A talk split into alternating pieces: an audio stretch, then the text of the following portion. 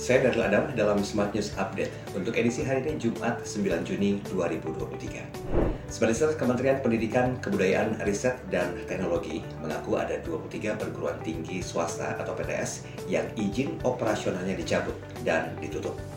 Menurut PLT Dirjen Dikti Ristek Kemendikbud Ristek Profesor Nizam, pencabutan izin operasional sejumlah perguruan tinggi dilakukan untuk melindungi masyarakat, terutama mahasiswa dari penyelenggaraan pendidikan yang buruk dan juga penipuan oleh penyelenggara pendidikan yang nakal.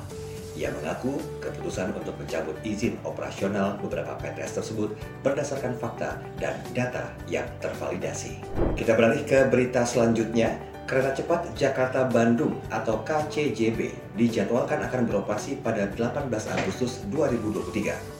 Namun, di tengah menunggu jadwal persiapan peluncuran tersebut, muncul kabar kabel dan baut kereta cepat ini justru telah dicuri.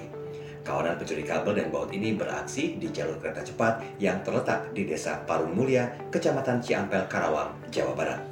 Wakapolres Karawang, Kompol Prasetyo Purbo Nur Cahyo menyebutkan Akibat pencurian kabel dan juga baut kereta cepat ini, kerugian ditaksir mencapai 150 juta rupiah.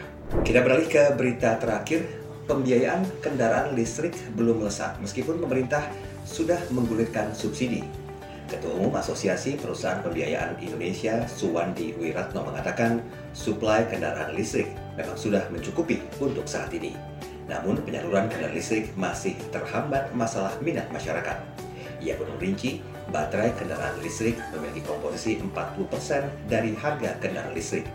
Selain itu, Swandi menyoroti terkait infrastruktur pengisian dari baterai kendaraan listrik yang masih terbatas. Sekian berita hari ini, sampai jumpa dalam Smart News Update berikutnya.